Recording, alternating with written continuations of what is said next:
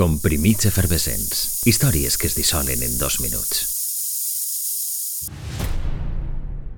Fa 71 anys, a les acaballes de la Segona Guerra Mundial, la capital japonesa havia de presentar un aspecte desolador. Pot ser tant com l'edifici en què Masaru Ibuka va posar en marxa un humil taller per a reparar ràdios i fabricar adaptadors per a dispositius d'ona mitjana. Un 7 de maig a Tòquio es fundava amb tan sols 20 empleats l'Institut de Telecomunicacions Totsuko, que 10 anys després canviaria el seu nom per Sony Corporation. La primera Totsuko no tenia apenes infraestructura i una de les seues primeres criatures, una olla elèctrica per a coure arròs, fou un fracàs estrepitós.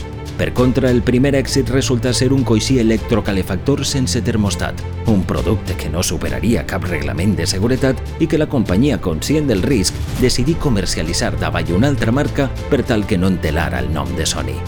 Des del coixí en avant, tot foren èxits, i llevat d'alguna patinada com ara el sistema Betamax de reproducció de vídeos, la companyia creixeria sense pèrdues fins el 2009. Sony es va diversificar i avui en dia és un gegant tecnològic.